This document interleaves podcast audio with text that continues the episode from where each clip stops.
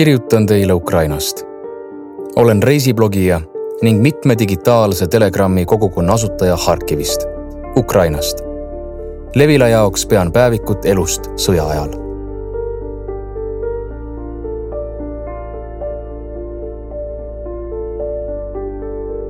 kolmas mai kaks tuhat kakskümmend kaks. hakkan alles nüüd mõistma päriselt oma sõpru Donetskist kes pidid kahe tuhande neljateistkümnendal aastal põgenema. mõistan nende seisundit, kui nad iga päev rääkisid, kangesti tahaks koju. mida kauem sõda kestab, seda tihkemalt litsub ligi mõte, et niipea koju küll jõuda ei õnnestu. sellegipoolest on soov Harkivisse naasta iga päevaga aina tugevam. mingil hetkel saavad emotsioonid ratsionaalsusest võitu see soov Harkivisse tagasi minna närib iga harkivlase hinge. räägin ühel õhtul oma sõbra Aljošaga, kes Harkivist Liivi on kolinud. jutu lõpuks jõuame otsusele, et tuleb Harkivisse sõita ning ostame kohe ka rongipiletid ära. järgmise päeva õhtul sõidame juba Ida-Ukraina poole. plaani järgi pidanuks rong Harkivisse hommikul jõudma, kuid hommikuks ei ole me veel Kiievitki läbinud õhuhäirete ja tulerünnakute tõttu hoitakse ronge mõnikord kaheksa-üheksa tundi kinni. nõnda juhtub ka meiega ning rong saabub Harkivisse kell kaheksa õhtul, ehkki pidanuks jõudma kell üksteist hommikul. kaheteist tunni asemel on sõiduks kulunud veidi üle ööpäeva. rongi hilinemise tõttu peame öö veetma Vaksalis.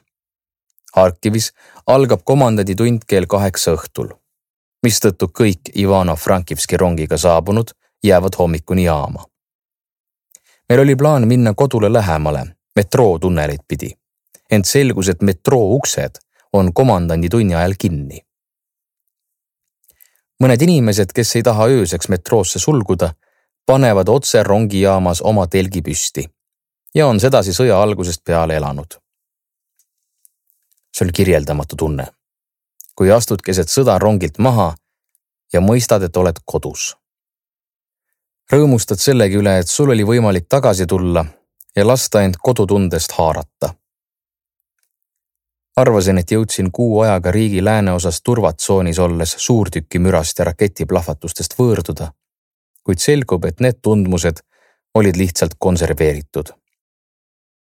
hommikul, kui komandanditund läbi saab, otsustame koju minna jalgsi läbi linna. kõigepealt jõuame minu majani et kontrollida mu korterit ja vaadata, mis seal kuu ajaga juhtunud on. välisuks on alles, ehkki kahjustunud. sellest on muide palju abi. teised naabrid, kelle välisuks on lööklainega minema lennanud, räägivad, et nende kodudes on marodöörid käinud ja kõik väärtuslikku ära viinud. esimesest pilgust on selge, et seda hävingut ei likvideeri päeva ega kahega mistõttu otsustame kraamida ainult kõige vähem kahju saanud tuba. kildudest ja muust sodist puhastamise järel näeb tuba välja nii, nagu seal võiks elada. kuid arusaadavalt ei ole see ka parima tahtmise juures võimalik. esiteks on kogu korteri peale terveks jäänud ainult üks lamp koridoris.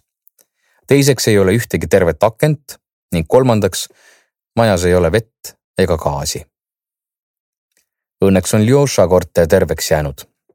nii et meil on, kus Harkivis peatuda. lõpuks näen oma ema, kes on sõja algusest peale kirikus istunud ja keeldub kuskile sõitmast. ei võta kuulda mingeid keelitusi. rõõmu teeb, et kirikus ei ole puudust toidust, veest ega hügieenivahenditest. seal saab tõesti suhteliselt mugavasti elada kirik ja kogudus tekitavad emas loomulikult turvatunde, mis on sõja ajal üsna tähtis tegur. ja muidugi toon sõprade juurest oma koera ära. üllataval kombel ei reageeri ta plahvatustele üldse. paljud koerad ehmuvad ja hakkavad kaootiliselt ringi jooksma. mingis mõttes mind isegi rõõmustab mu koera flegmaatilisus. ma ei pea muretsema selle pärast, et tal on hirm. mis on sõjaaegses Harkivis väga harjumatu on inimtühjad tänavad ja mittetöötavad foorid. varem sai linna sellisena näha ehk pühadejärgsel varahommikul. nüüd aga näeb linn selline välja iga päev. tundub, et kõik, kes ei ole Harkivist lahkunud, on juba harjunud kaugusest kostva pideva plahvatuste kõminaga. isegi minu jaoks muutuvad need paugud varsti taustamüraks. vaikus. Vaat, mis tegelikult pinevust tekitab. sest sa kuulatad vaikust ja ootad uusi plahvatusi olin Ivano-Frankivskis jõudnud lakkamatutest õhuhäiretest tõepoolest võõrduda. Harkivis kõlavad need iga poole tunni takka, iseäranis öösiti, mistõttu normaalselt välja magada ei õnnestu kuidagi. päästab ainult see, et mõned asutused jätkavad tööd isegi sõjatingimustes.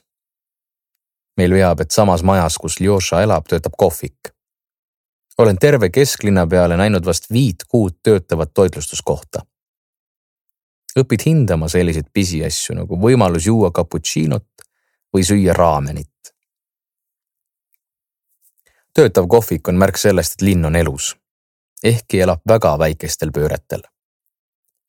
sellised kohad tõmbavad ligi linna jäänud inimesi, muutuvad omamoodi sõlmpunktideks, kus saavad kokku humanitaarabi laiali vedavad vabatahtlikud, rotatsioonile või puhkusele saabunud sõjaväelased igast maailma nurgast sõjasündmusi kajastama tulnud ajakirjanikud.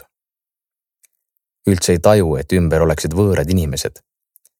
kõik, kes sind ümbritsevad, saavad automaatselt sinu tuttavateks. tuttavateks, keda näed võib-olla viimast korda. ühel päeval saan tuttavaks Nataga. Nata koordineerib meditsiiniabi andmist. järgmisel päeval pärast meie tutvumist jääb Nata raketitule alla. tal veab ta jääb ellu. ainult silm saab vigastada.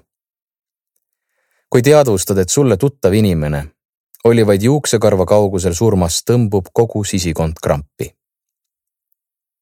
plahvatanuks rakett vaid meetri jagu lähemal, jäänuks põgus vestlus viimaseks mälestuseks inimesest. Juba järgmisel päeval pärast haavata saamist jätkab NATO humanitaartegevust sellistel hetkedel tead erakordse selgusega, et Venemaa ei saa seda sõda mingi valemiga võita. ukrainlased on valmis iga päev oma eluga riskima ja tegema kõik võidu heaks.